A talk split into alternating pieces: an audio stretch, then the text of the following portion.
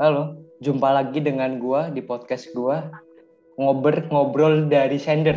Kali ini gue ditemanin sama Kak Laila yang akan bacain cerita dari sender. Ya, silahkan Kak. Perkenalan dulu. Halo. Jadi uh, oke, okay, gue Laila seperti yang udah di-mention Dava di Twitter. Kali ini dimintain tolong. Semoga kalian uh, tidak terganggu dengan suara gue yang nggak begitu bagus-bagus banget. Oh iya, Oke, merendah, mau... merendah untuk meroket. Gak sih, lebih tepatnya sadar diri aja sebelum dihujat. Okay. langsung aja kali ya. Oke, judulnya apa ya kayak? Sebutin dong, okay, lu kan yang mau baca nih. Lahirin anak tanpa ayah dan dia panggil gue kakak. Oke, lanjut. Oke, dimulai dari der pertama Hai kak, aku lihat TL kakak nih dari kemarin muncul terus baca-bacain cerita orang jadi pengen banget berbagi pengalaman. Ya mungkin bisa jadi warning buat teman-teman semua sih mengenai seks. Tapi selama ini belum pernah cerita ke sosmed atau apa pun walaupun anonim. Tapi nggak tahu deh kenapa kayaknya aku pengen banget cerita di akun ini. Gimana boleh ya nggak kak? Boleh nggak nih? Boleh banget dong, boleh banget. ini privasi aman ya? Tuh, aman. lagi. Aman. Oke. Okay masa aku soalnya belum pernah cerita-cerita kayak gini masih agak takut juga. Jadi aku dari SMP itu udah uh, mengenal HS udah pacaran berkali-kali tapi belum pernah sampai ngesek sih paling cuma ya gini lah maksudnya ya grab grab dikit. Sampai pada akhirnya di SMA aku ketemu cowok yang mungkin tipenya kayak cewek mirip Aliando gitu. Siapa yang nggak demen coba awalnya sih nggak ada niat mau deketin dia sih. Sampai tiba-tiba dia malah SMS zaman dulu tuh ya. SMS aku duluan ngedekatin aku. Padahal di sekolah yang deketin dia tuh banyak banget. Oke singkat cerita akhirnya dia nembak aku dan kita pacaran. Yang sirik dan gak suka banyak banget lah. Sampai aku dimutusin banyak cewek-cewek di sekolah. Akhirnya aku di sekolah nggak punya temen. Jadi dia mau nggak mau nempel sama pacar aku ini terus. Baru sebulan pacaran dia itu udah mulai berani sih sama aku kaget nggak sih secepat itu? Tapi aku mikir ya ya udahlah. Semenjak itu aku sama dia jadi melakukan hal itu terus menerus setiap ada kesempatannya. Bahkan udah mulai lebih parah nih dia udah mulai lebih berani grepe-grepe. Sampai semenjak itu akhirnya aku mulai kasih keperawanan aku waktu di rumahnya dia. Boom boom. Padahal hubungan uh, ini uh, ma mohon maaf ya bacanya agak uh, kepotong soalnya harus pindah next picture yeah, gitu kan. di tweet di tweet di Twitter kan gitu kan. Bawa scroll bawa scroll gitu. Jadi maklum aja nggak kayak yeah, kayak di Instagram. Ya seharusnya tadi mungkin kayaknya buat cek dulu di galeri kali ya. Oke. Okay.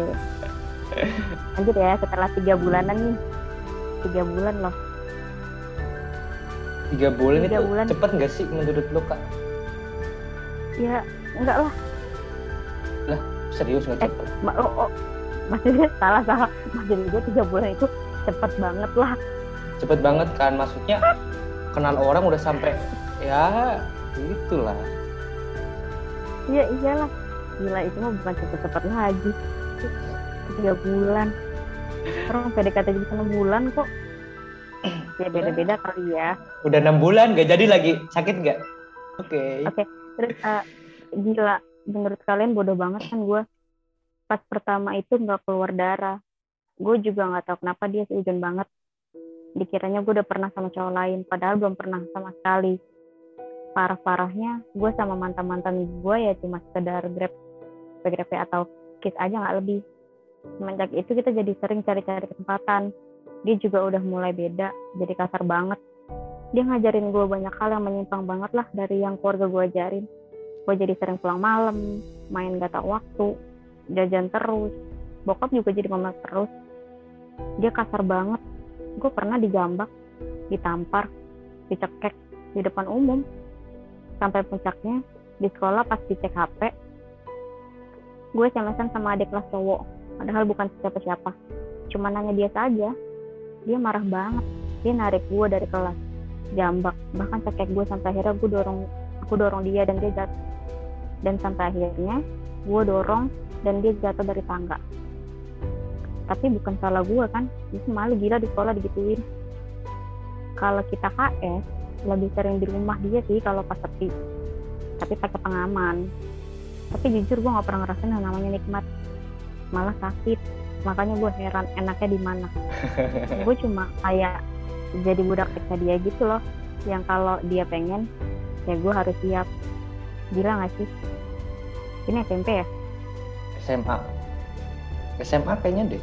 Lupa deh gue udah lama banget ini. Kayaknya sih SMA kak. Coba lanjut dulu cerita. Sampai akhirnya kita kecolongan dan gue hamil. Gue tunggu satu dua tiga bulan gue nggak men saat itu gue kelas 2 SMA gue tau gue hamil. Tapi gue nggak berani tes cek uh, takut sih ya kalau nggak Iya. berani cek itu takut ya. OT jadinya Iya, overthinking. Pasti kan dikeluarin dari sekolah dong. Lu kan bukan cuma orang tua yang malu dong kalau kayak gitu. Iya. Omongan tetangga juga. Oke. Setelah itu karena dia nggak berani buka dan dia minum edukasi banget soal ini yang ada di kepala dia ya udah ngalir aja gitu. Kayak hati gue tuh udah kayak batu. Gue nggak mau mikir apa apa dan gak bisa mikir apa apa Mm-mm. cowok gue nggak tahu. Tapi dia curiga karena perut gue kayak beda. Dan Buncit tiba-tiba ya? dia mau gue tanpa basa-basi di SMS cowok emang gitu ya? Ya buncit lah. Lanjut lanjut. Oke.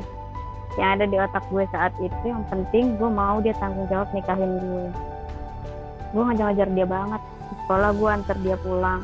Gue kasih dia hadiah dan lain-lain padahal posisi udah putus dan dia udah banyak backup cewek lainnya. Sampai akhirnya tujuh bulan kandungan gue belum ada ya belum ada orang yang tahu tuh termasuk dia. Orang tua gue curiga dan gue dikasih tes pack disuruh cek dan hasilnya ya positif. Orang tua gue kecewa berat. Langsung tahu siapa cowok yang hamilin gue diteleponlah orang tuanya dan gak lama orang tuanya ke rumah tanpa si cowok itu. Cuma keluarganya aja akhirnya kita sepakat untuk nikah tapi di luar kota. Mm-mm. gue USG dan periksa kandungan rutin sejak itu sama nyokap gue. Dan gue diungsikan ke rumah keluarga di luar kota. Wow. Dia sama sekali udah ngabarin gue. Sampai akhirnya gue lahiran di rumah sakit sendiri sama nyokap gue. Anak gue cewek cantik banget mirip dia. Sehari setelah lahiran keluarganya datang tiba-tiba mau ambil anak itu karena kebetulan ibunya dia belum belum ada anak perempuan.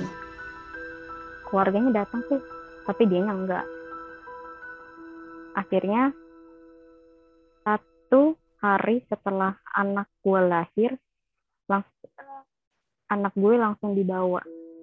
Gue sedih nggak? Nggak sama sekali. Gue nggak tahu hati gue saat itu kayak batu banget. Gue nggak ngerasain apa pun. Sedih enggak? Lega enggak takut juga enggak.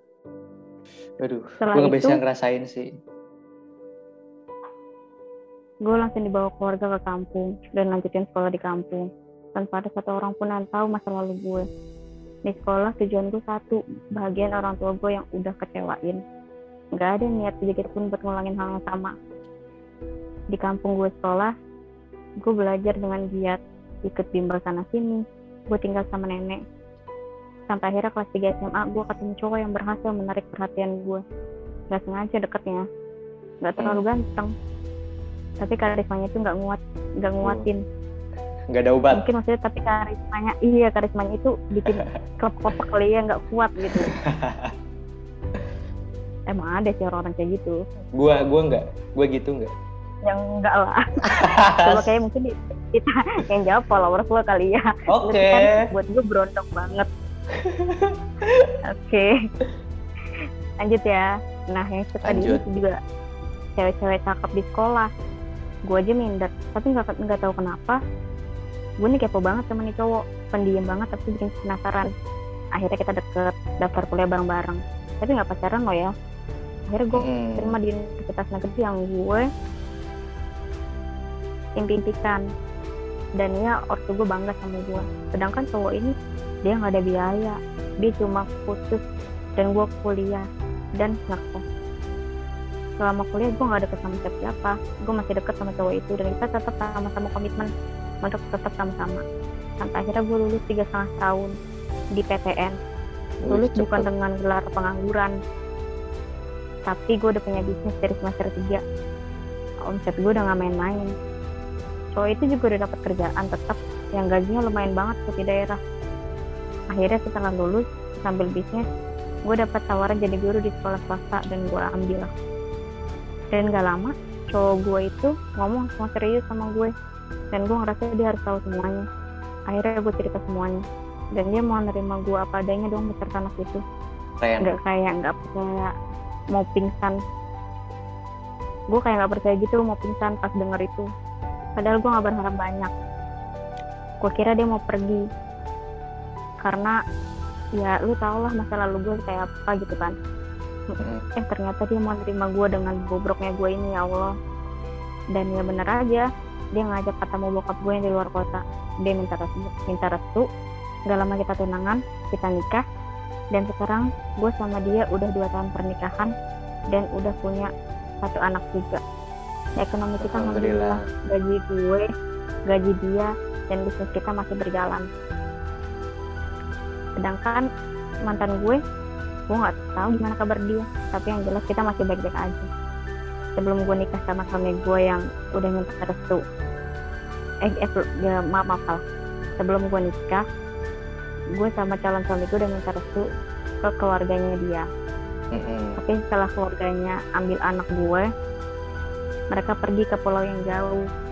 Setelah itu anak gue waktu tiga tahun pas anak gue umur tiga tahun mereka balik lagi. Karena katanya bisnis bokapnya bangkrut. Dan akhirnya anak itu dikasih lagi ke keluarga gue. Karena mereka nggak sanggup untuk biayain. Sekarang akhirnya anak itu dibiayain sama bokap gue. Dan oh. anak itu udah tumbuh jadi cantik banget dan dia panggil gue kakak. Sekian cerita dari gue yang super panjang semoga jadi pelajaran untuk semua remaja di luar sana untuk lebih hati-hati dalam bertindak karena hidup nggak bisa diulang. Wow dalam banget ya? Iya.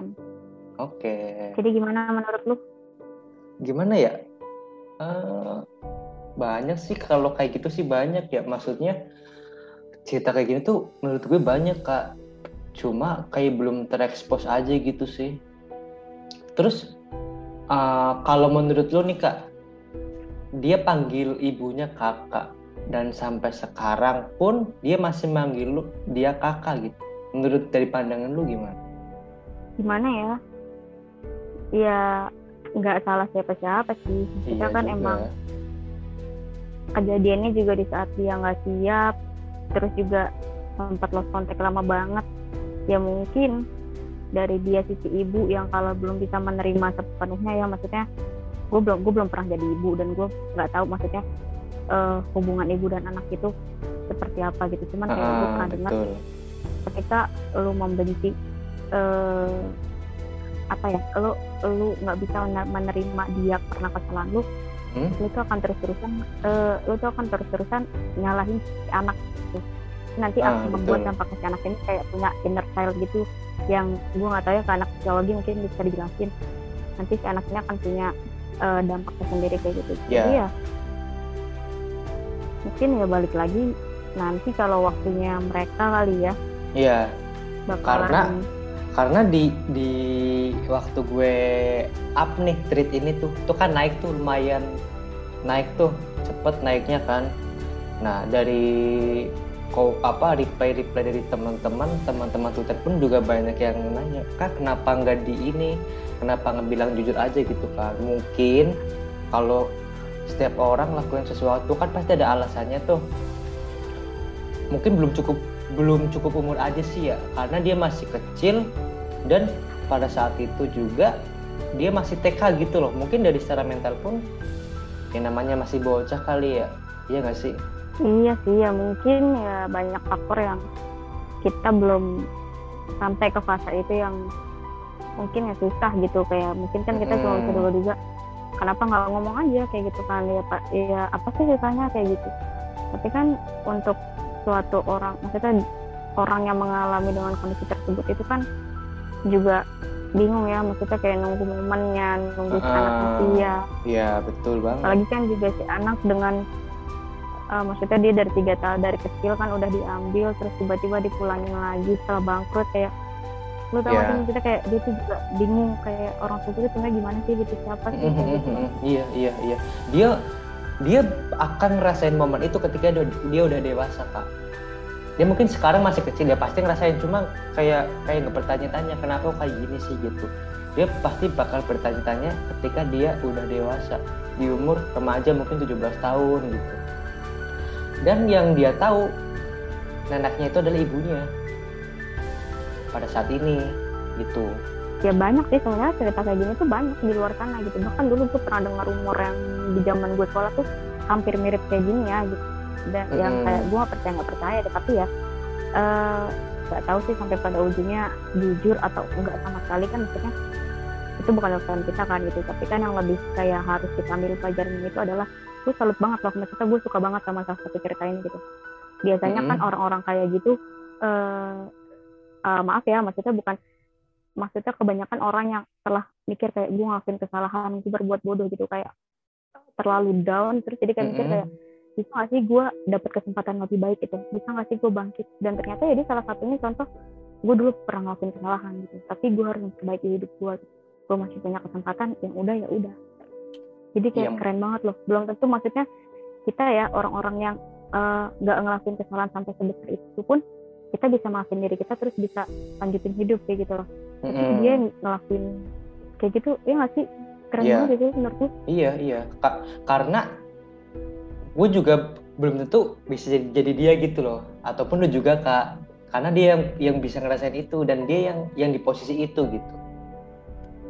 Bener bener. Makanya gue bilang kalaupun misalnya eh, kita yang ngerasain di posisi kayak gitu belum tentu fase lo bangkit dari keterpurukan fase lo menyadari kayak oh ya udah life must go on gitu kan lo harus Iya. tetap lanjutin hidup itu tuh Heeh. beda gitu penerimaan tiap orang makanya kayak eh, mungkin buat orang-orang yang lain yang di sana gitu ya ya buat Mm. kita pun juga gitu maksudnya kita masih sama-sama belajar maksudnya untuk hal-hal yang di luar kendali kita tuh udah udah kejadian tapi untuk soal HS ini lo kan punya Mm. kendali kontrol penuh pada awal Iya hingga akhir gitu kan Mm-mm. dia kan hanya salah satu contoh baik gitu kan Mm-mm. maksudnya endingnya baik kalau misalnya udah kejadian ya berarti lu juga bisa tetap jadi kayak dia sebelum kejadian ya lu punya kontrol penuh sepenuhnya Betul. maksudnya eh, ya harus mikirin dulu lah kayak gitu prioritas lo apa Mm-mm.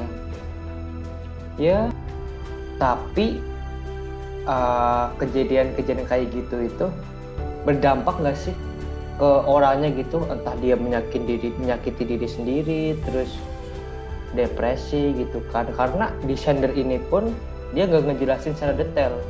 Tahu-tahu di fase ini tahu di fase ini gitu. Hmm, dia nggak tahu ya maksudnya mungkin ceritanya dia tuh terlalu banyak mungkin ya buat buat dia gitu. Maksudnya hal-hal pahit yang eh kadang-kadang gini jadi gue ada tipe orang yang Mm-mm. ketika dia merasa hidup itu lebih baik dia menghapus bagian pahit-pahit dalam hidupnya jadi yang menurut mereka tuh yang nggak perlu diceritain banget sih tapi ada orang juga yang ketika udah bisa survive dia pengen kayak lu harus tahu nih fase-fase pahit gue tuh kayak apa Mm-mm, Gitu. betul iya jadi iya kayaknya eh, lu harus kalau mau compare eh, kayaknya banyak deh eh, apa another sender yang bilang kayak dia tuh healing kayak dia depresi Heeh, yang kayak self harm gitu nggak sih dia? Ada tuh ya kemarin lu kemarin denger nggak podcast pertama gua? Iya kan maksudnya kan kayak gitu kan kalau Iya, compare karena heeh, kan memang orang kan iya nggak ada yang tahu. sampai ke psikolog loh dia sampai ke psikolog terus Mm-mm. sampai dihipnotis gitu kan ngelupain semua kenangan yang ya maksudnya kenangan yang bahagia yang diinget-inget cuma kenangan yang sakit. Ya mungkin cara itu yang bisa move on bisa bikin dia bangkit gitu. Kayak gitu. Nah oke. Kalau mungkin dari masalah itu udah ya. Gue mau nanya nih dari pandangan lu sebagai cewek dan pandangan gue nanti HS itu gimana sih kak? Apa apa HS itu termasuk eh, ML making love Gue nggak baca pengertiannya secara Google banget ya, maksudnya secara Ah, Wikipedia-nya gitu. ya Serap Karena yang kita tahu kan pendapat lo aja, argumen lo aja. sama-sama melakukan ya Mm-mm. gue nggak bisa berpendapat banyak sih maksudnya kayak ya udah gitu orang kan mau dia balik lagi ke ke konten apa ke pertanyaannya ya mau Mm-mm. KS atau enggak dari dari yang pernah gue baca sih katanya kalau misalnya lo um, making love gitu ya lo based on lo ya based on your consent gitu kan persetujuan Mm-mm. lo gitu karena Iya. emang lo mau sama dia gitu tapi kalau Mm-mm. di dalam lo HS itu mungkin ada suatu keterpaksaan Mm-mm. gitu nggak sih Iya, tapi kalau Atau dengan ada dari gue baca-baca, dari gue baca-baca gitu kak, HS itu Heeh. nggak termasuk ke dalam making love ngerti nggak? Making love nih bener-bener kayak lu bener-bener ngewe gitu. Nah HS itu kayak misal uh, grepe-grepe, kissing, itu udah termasuk HS. oh Having having sex, ya enggak? Kalau ML kan making love, dia bener-bener kayak Oke. bercinta bercumbu gitu. Kalau gue riset sih gitu ya. Kalau gue baca-baca, gue juga masih belajar. Mas gue masalah tahu sama dalam eh, ke masalah seperti itu sih jadi cuma kayak familiar kayak gitu doang. Oh, Oke, Heeh. jadi kayak bumbu-bumbunya itu udah masuk lah ya ibaratnya. Ya, ha- iya maksudnya Oke. hal hal kecil bisa jadi gede, iya nggak sih? Mhm.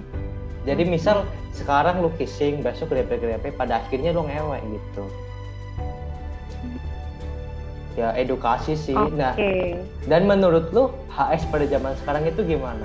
Pacaran kayak gitu? Kan banyak tuh kemarin yang nanya sama gua, kak uh, Hmm. pacaran zaman sekarang itu emang harus HS ya? Pandangan lu gimana? Gue bingung nih kalau mau menjelaskan hal kayak gini ya.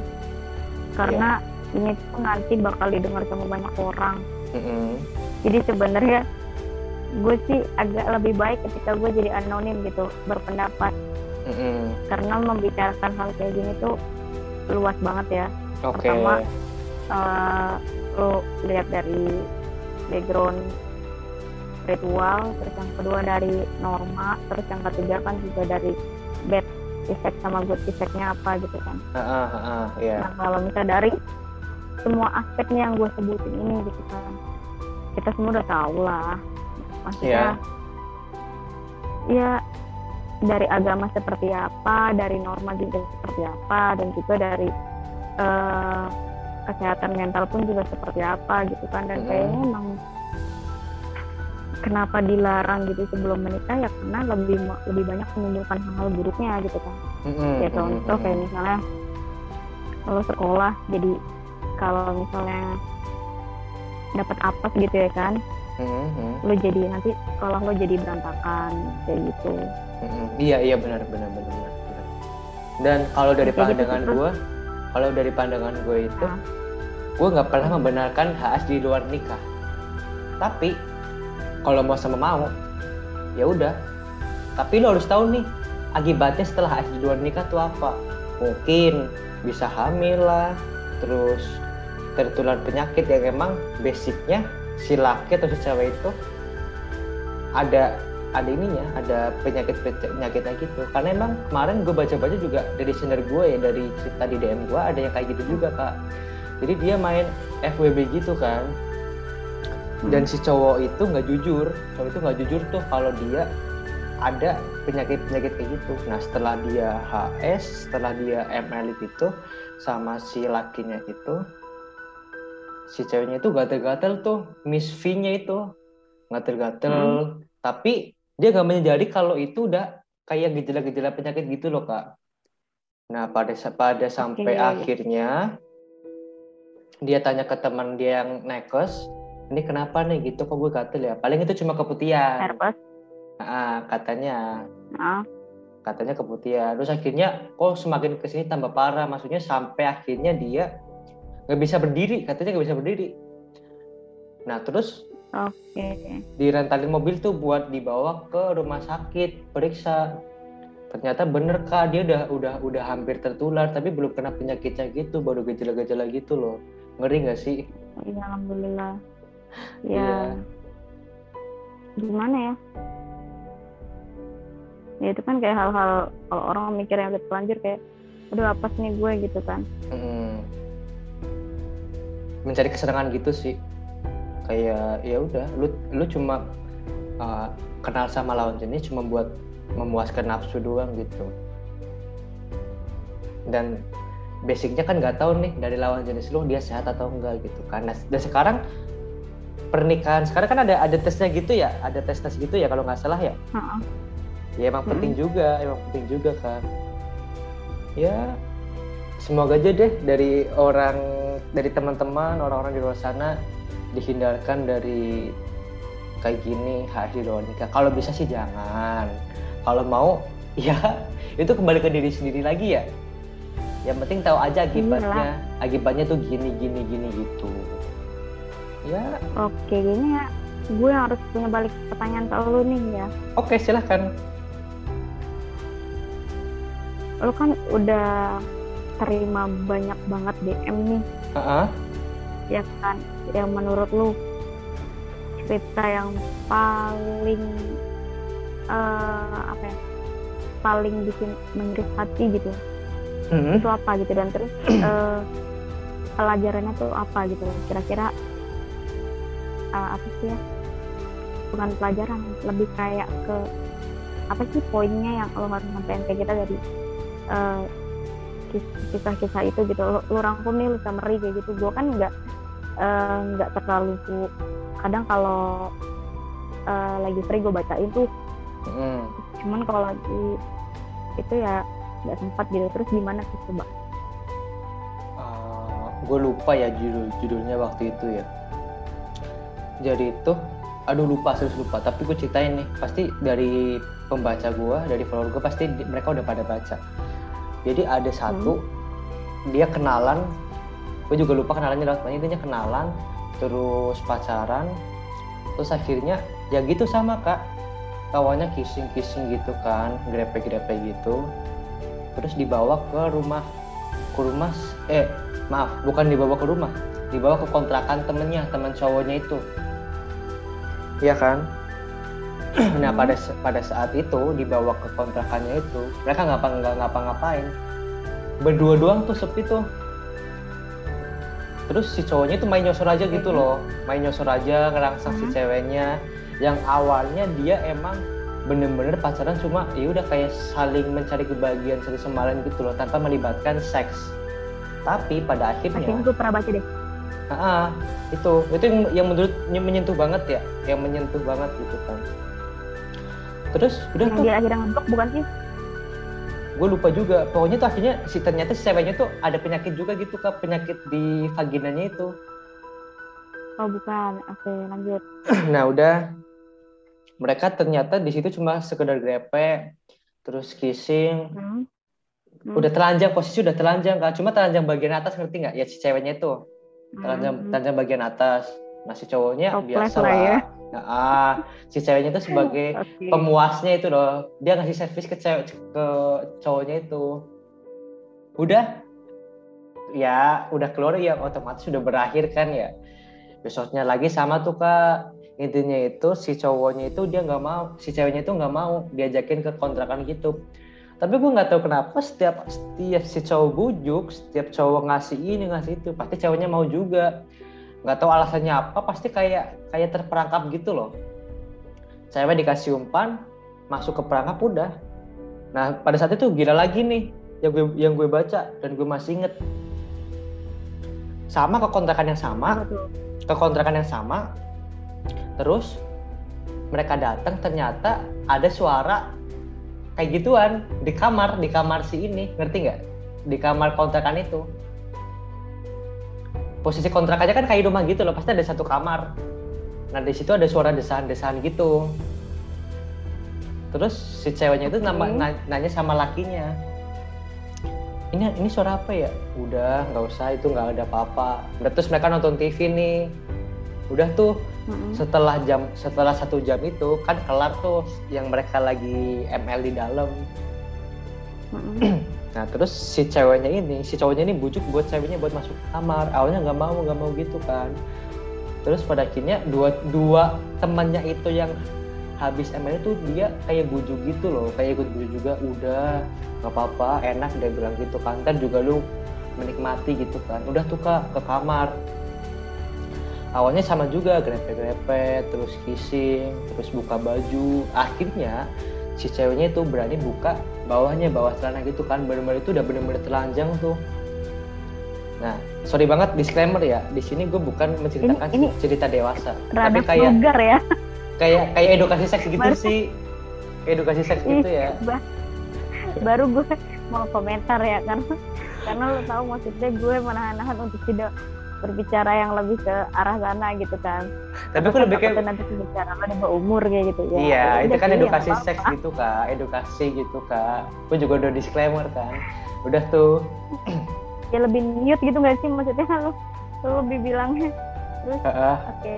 Heeh, udah masuk, udah kan. Akhirnya pas di pos mau bertemu itu kedua, ah kedua itu mau bertemu, ternyata nggak bisa masuk kak. Hmm, Gue gue nggak tahu, gue nggak tahu dan nggak bisa dan belum pernah ngerasain sampai sekarang. Katanya sih, emang kalau pertama itu nggak bisa masuk ya. Katanya susah, bisa masuk tapi susah. katanya masih virgin gitu kan ternyata dicoba di, dicoba tetap nggak bisa akhirnya nyerah cowoknya nyerah nggak jadi gitu kan besoknya lagi pun sama juga ngelakuin kayak gitu nah terus sampai titik di mana akhirnya mereka berakhir dan si cowok si ceweknya itu kontrol ke dokter. Dia punya penyakit kanker. Gue juga lupa dia penyakit kanker apa. Tapi dia dia, dia juga ada penyakit di kelaminnya itu kak. Jadi kayak kayak kayak ada tumor gitu. Ngerti nggak sih? Jadi nggak bisa masuk gitu loh. Harus Oke. diangkat. Harus diangkat. Itu yang bikin Hmm. deep bikin deep banget. Bikin gue kayak anjir. Aduh astagfirullah. Padahal ceweknya cantik. Aduh gue nggak bisa bayangin gitu kan udah udah disakit. Maksudnya wah. kayak ibaratnya tuh kayak udah dipakai tapi nggak sampai masuk. Terus dia ada penyakit ada kanker ada penyakit kelamin juga. Dan cowoknya itu pas waktu mau operasi itu kak cowoknya nggak nengokin bayangin coba. Nggak nengokin terus nggak ke rumah sakit juga. Perasaan lu gimana coba? Kalau semisal amit-amit ya amit-amit. Kalau semisal di posisi dia. Gila nggak sih gue nggak tahu sih gue nggak mau komentar asal ya Heeh. kayak kayak nggak tahu sih gue nggak kebayang gitu pertama kayak penyakit penyakit kayak gitu kan jangka panjang banget ya kayak lu lihat Hmm. satu yang si pernah tau nggak sih yang yang cewek dari gunung kanker kaki pernah terkenal banget gitu kan dan Hmm. itu kayaknya dulu angkatan sama gue Heeh. dia dia dia dia nggak ada hubungannya sama HS kayak gini tapi kayak penyakit penyakit kayak gitu tuh Heeh. terpaksa luar biasa banget gitu kan. Heeh.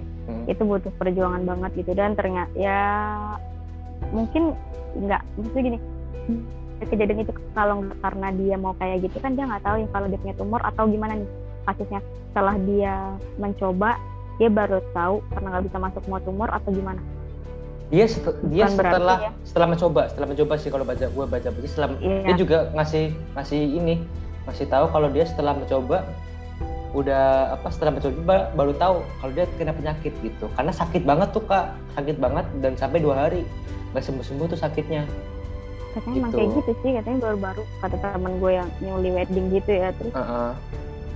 tapi bukan berarti juga dengan lu hampir melakukan kayak gitu lu bisa dibilang beruntung ya maksudnya kayak untung aja waktu itu gue baru apa mau apa, baru hampir Ya, melakukan kayak gitu. Terus kayak heeh. jadinya gue tahu penyakit kayak gitu. Ya, ya bukan kayak gitu juga sih.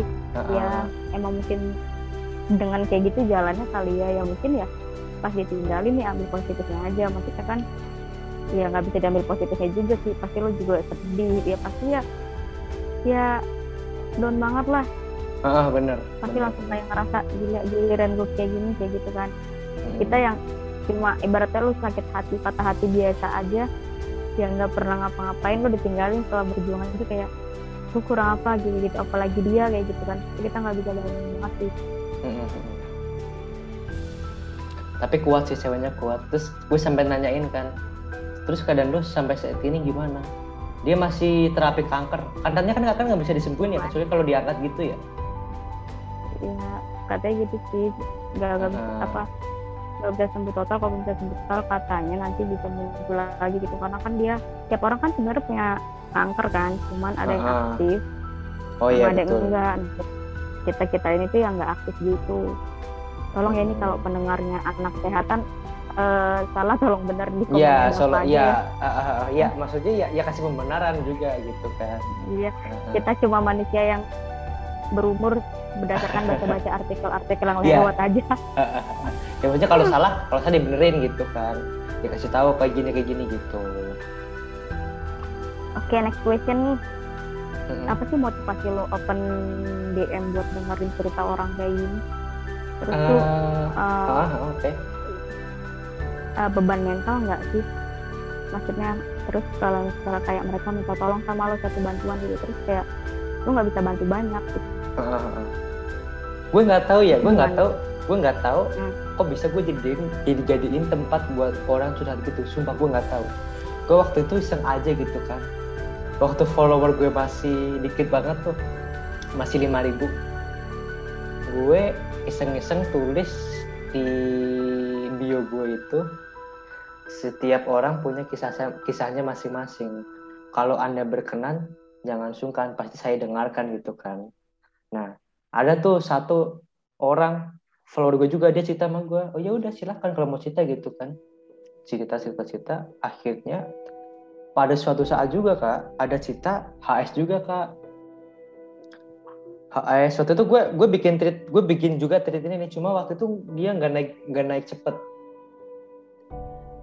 Nah terus sampai saat itu okay. juga sampai saat itu juga ada juga yang berani cerita juga tentang HS juga nih tentang HS gini gini gini gini naik tuh treatnya tuh nah dari situ tuh follow gue naik kan Nah, alasan gue buat cerita kayak gitu karena gue kan sekarang hidup di perantauan ya. Hmm, Oke. Okay. Anak perantauan juga pasti ngerasain ini juga. Gimana sih Apa rasanya? Tuh, kesepian gitu. Ah, ah, lebih ke kesepian, kesepian. Terus lu nggak punya teman ngobrol, lu kayak nggak punya tempat buat pulang. Kecuali kalau lu pas mudik gitu doang. Dan kalau lu gabut, otomatis ya udah mau ngapain lagi gitu kan? lu mau cerita juga nggak ada orang yang orang nggak ada bukan nggak ada orang ya kayak belum nemu orang yang buat ngedengerin gitu udah tuh gue tuh open open DM gitu ternyata asik nih ngobrol-ngobrol-ngobrol sama, sama follower asik nih sharing-sharing gini sharing-sharing gini gitu kan gue juga gue juga suka nulis suka nulis di, di Twitter bikin tweet bikin tweet bikin tweet gitu kan. Terus sampai akhirnya ya udah banyak yang cerita sama gue banyak yang uh, bacot gitu. Gue pernah dibacotin juga kak. Gue pernah di gue pernah diserang sama follower juga. Gue nggak tahu follower follower gue kok atau cuma kayak sebagai tanda kutip pendatang. Terus ngeliat ngeliat timeline gue gitu kan. Gue mikirnya gini gue sebagai manusia bisa mendengarkan semua keluh kesah orang. Pada saat itu ya pada saat DM gue masih belum ramai banget nih. Paling satu hari DM masuk sekitar dua tiga gitu udah. Tapi pas gue bikin tweet HS story by DM naik tuh naik cepet tuh. Nah satu hari tuh bisa masuk DM sekitar 10 kak. 10 sampai 20 itu bisa masuk ya? Itu bisa masuk tuh. Oke. Okay. kebetulan gue lagi kebetulan waktu itu gue lagi covid. Lu lu tahu ceritanya itu kan? Yang gue cerita malu itu kan? Oke. Okay. Bayangin deh perantauan sendirian di kosan gak punya siapa-siapa gitu kan dua minggu gak punya temen ngobrol coba. Maksudnya ngobrol sama telepon ya waktu itu kan gue juga tahu nama lu telepon sama teman gue. Maksudnya biar gak jenuh gitu loh selama dua minggu nih gue nggak ngapa-ngapain gitu kan. Ini curhat colongan ya pak. Iya. Kan lu juga nanya. ya? iya dong. Ngobrol ngalor gitu boleh boleh aja. Iya lanjut ya. Lanjut gini lanjut ya. Pas covid itu udah gue balesin semua DM kak. Gue balesin semua DM karena gue juga pas covid nggak tahu mau ngapain nih. Kerjaan juga waktu itu disuruh suruh di hold dulu dari kantor fokusin buat recovery buat kesehatan iya, juga gitu kan. uh, banyak istirahat juga udah. Gue sampai ya namanya kan kita cuma makan tidur makan tidur kan jenuh ya. Nggak ngapa-ngapain. Apalagi itu udah selama dua minggu ya udah. Gue baca semua DM di Twitter tuh kan gue balesin satu-satu gue balesin satu-satu. Gue bacain banyak banget tuh. Dan pada sam pada sampai akhirnya DM masuk lebih dari 20 per hari. Gue udah gak kuat bacain itu semua DM ngerti nggak? Okay. jadi tuh jadi tuh maaf banget ya gue juga disclaimer gue nggak pernah banding bandingin masalah satu sama lain. Tapi yang gue balas itu yang kiranya masalahnya kayak kayak berat banget gitu loh ngerti nggak Oke. Uh, bikin ya bukan berarti yang lain nggak berat sih mungkin nanti uh, kalau agak senggang dibalas gitu ya. Ya maksudnya kayak gitu uh, betul. Kayak kira-kira kena buat ke mental gitu loh. Gue, gue pasti bales. Kadang juga ada yang ngiseng juga tuh.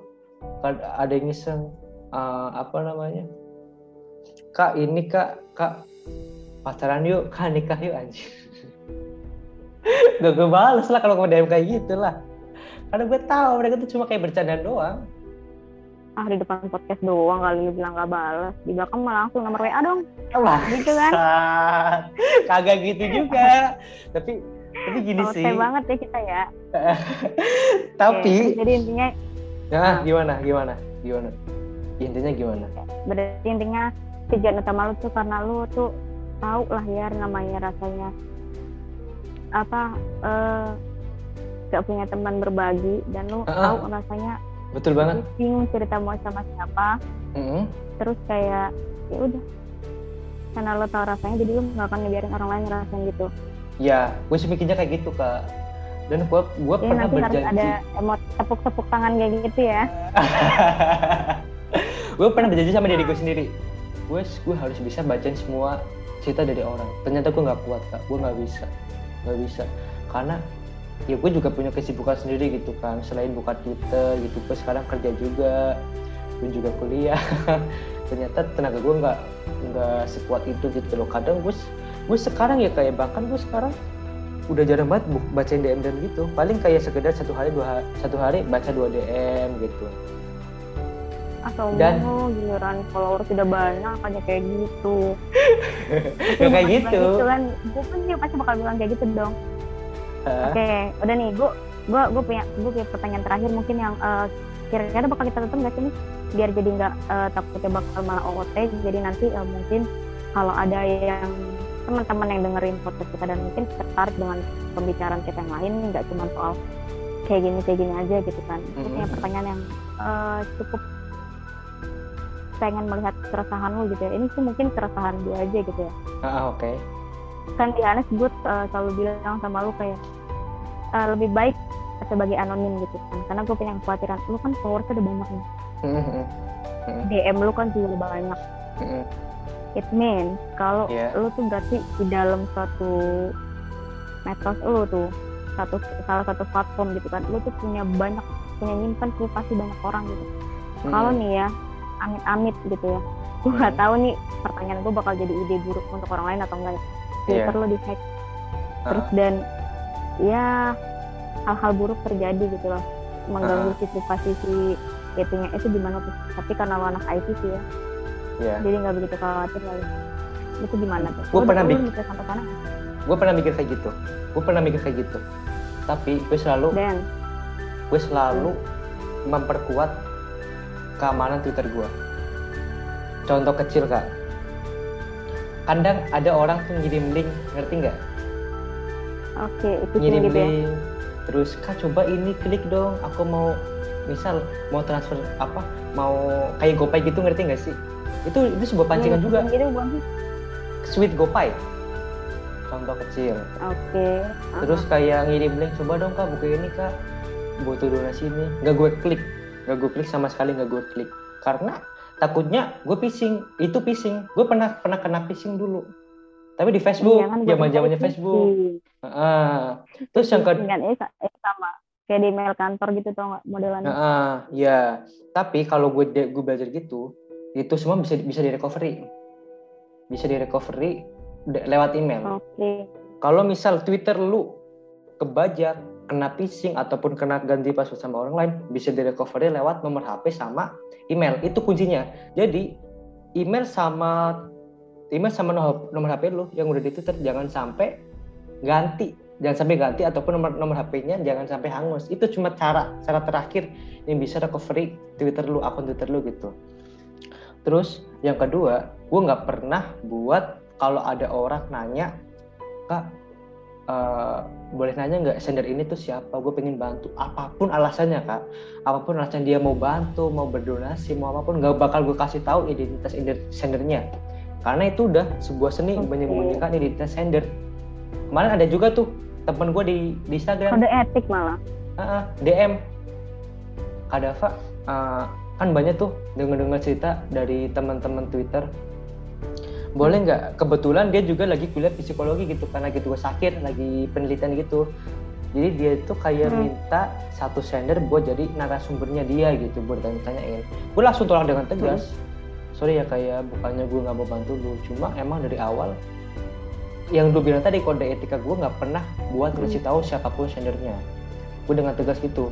Sekalipun maafnya kata dia kena penyakit ada orang bantu gue gak bakal gak bakal gue kasih tahu. Karena itu udah udah seni seni untuk menutupi sender. Itu udah identitas. Kalau gue sih gitu kak. Apa pun alasannya yeah. sampai saat ini ber berkomitmen komitmen kayak gitu. Dan kadang juga ada yang nanya gini nih kak waktu itu hmm. ada ada orang yang nanya gue gue ngupload nih. Intinya tuh dia mau tunangan cuma ketahuan udah nggak virgin. Ada yang nge DM gue dong mungkin ke trigger kali ya. Nanya kak ini inisialnya kayak gini bukan sih? Inisialnya gini bukan sih? Langsung gue hapus di DM nya sumpah. Gak gue balas sampai sekarang. Ya takut hmm, juga berarti untuk para ini ya maksudnya uh, kadang gue juga gak ngerti sih hmm. batas bat apa sih gini ya pikiran orang tuh kayak gimana gitu kan hmm. emang gue gue nggak mau terlalu generalisir uh, maksudnya orang-orang kita gitu ngerti maksudnya orang Indonesia tuh kayak terlalu mengurusi urusan orang bang. Iya, betul, Dan betul. kadang betul. tuh nggak bisa nggak bisa bedain mana yang namanya privasi, mana yang namanya uh, uh, uh, gitu. Betul, betul. Entah gue uh, gue nggak ngerti ya maksudnya atau dari nggak tahu sih followers lo kan kita nggak tahu nih dia mulai dari umur berapa sampai umur berapa gitu kan. Atau mungkin kalau dari yang kayak gue juga nih mau mau uh, masuk ke pertanyaan terakhir deh janji ini ini pertanyaan hmm. terakhir yeah, gitu. Yeah, Karena uh. kan dari ini, ini bakal masuk ke pertanyaan gue terakhir gitu mungkin maksudnya gini dari cerita yang banyak trainer yang kirim ke lu itu kan mereka kebanyakan kayak cerita dari SMP SMA kayak yeah. gitu kan kita kan maksudnya bentar lagi kan udah nggak muda lagi lah ya mungkin nanti lima tahun atau enam tahun ke depan tuh bakalan jadi hal-hal maksudnya bakal jadi orang tua juga gitu kan terus juga kan namanya jejak digital itu kan nanti bakalan kerekam pasti juga. ada pasti ada ya oke okay. nanti kalau misalnya lu takut ya sih maksudnya uh, anak-anak lu akan melakukan hal kayak gitu atau suatu saat nanti kalau anak lu menemukan jejak digital kalau lu uh, lu melakukan hal gitu maksudnya lu berkontribusi untuk menerima sharingan-sharingan orang tuh gimana kira-kira?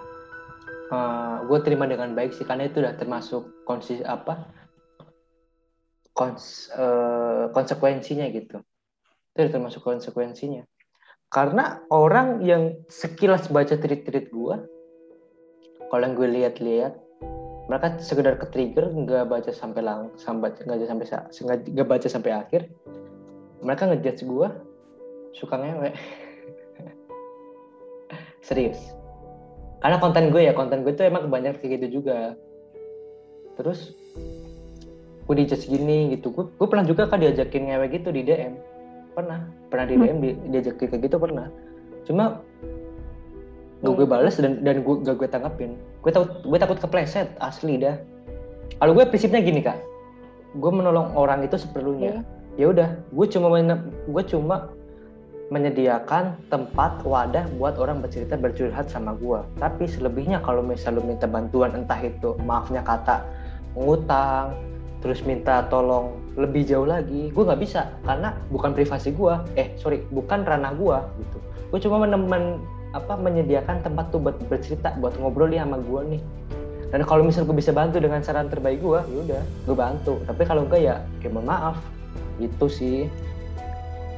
Oh gila. Mulia banget ya ternyata dari seorang Dava yang mukanya serem banget sih kayak tukang pukul. Ternyata alasan itu banyak kan followersnya bilang lu muka lo boros gitu bukan gue doang dong. Kalau gue pikir lo delapan lebih itu dari gue anjir. Ini kita udah cukup kali ya uh, okay, ngobrol okay. udah kepanjangan dan tapi gue tapi gue masih muda sih kak gue masih muda gue masih muda ya lebih dua satu ya pokoknya kalau dari muka gue berani adu lah lebih muda siapa Oke. Oke oke. Itu cukup aja sih gitu ya obrolan kita malam ini. ya. iya Kak Lela Pokoknya, terima eh, kasih banget kurang ya. Ah, iya gue juga minta maaf banget kalau obrolan kita nggak berbobot Oke. Ini hanya ya sharing-sharing eh, apa ya sharing-sharing sama-sama ketidaktahuan lah ya Mm-mm, nah semoga menjadi sama tahu pokoknya Iya. kalau ingin sharing lebih lanjut bisa DM di Dava Ya selama masih gratis. Tahu aja gue jadi psikolog ntar. Saran gue sih lu buka ini deh maksudnya jangan jangan kayak konten HSHS doang gak sih yang lebih menarik gitu Ya, Ada sih. astronomi lah Self harm gitu ada kemarin. oke Nah, udah psikolog ya anda Iya IMES. Padahal mahasiswa teknik nih, nggak nggak nyambung banget ya. ya hidup mah belajar apa aja pak kita kan nggak tahu ke depannya jadi apa Siap, segitu aja deh ya obrolan kita malam ini Kak, Laila masih Oke. makasih banget. Semoga next podcast bisa temenin gue buat baca-bacain dari DM dari teman-teman dan sampai seterusnya. Kak Laila termasuk orang sibuk loh dan lagi nesis. Doain aja ya semoga S2-nya cepet kelar. amin kayaknya gue bisa dipotong aja di bagian itu Oke, Bagian thank you. selesai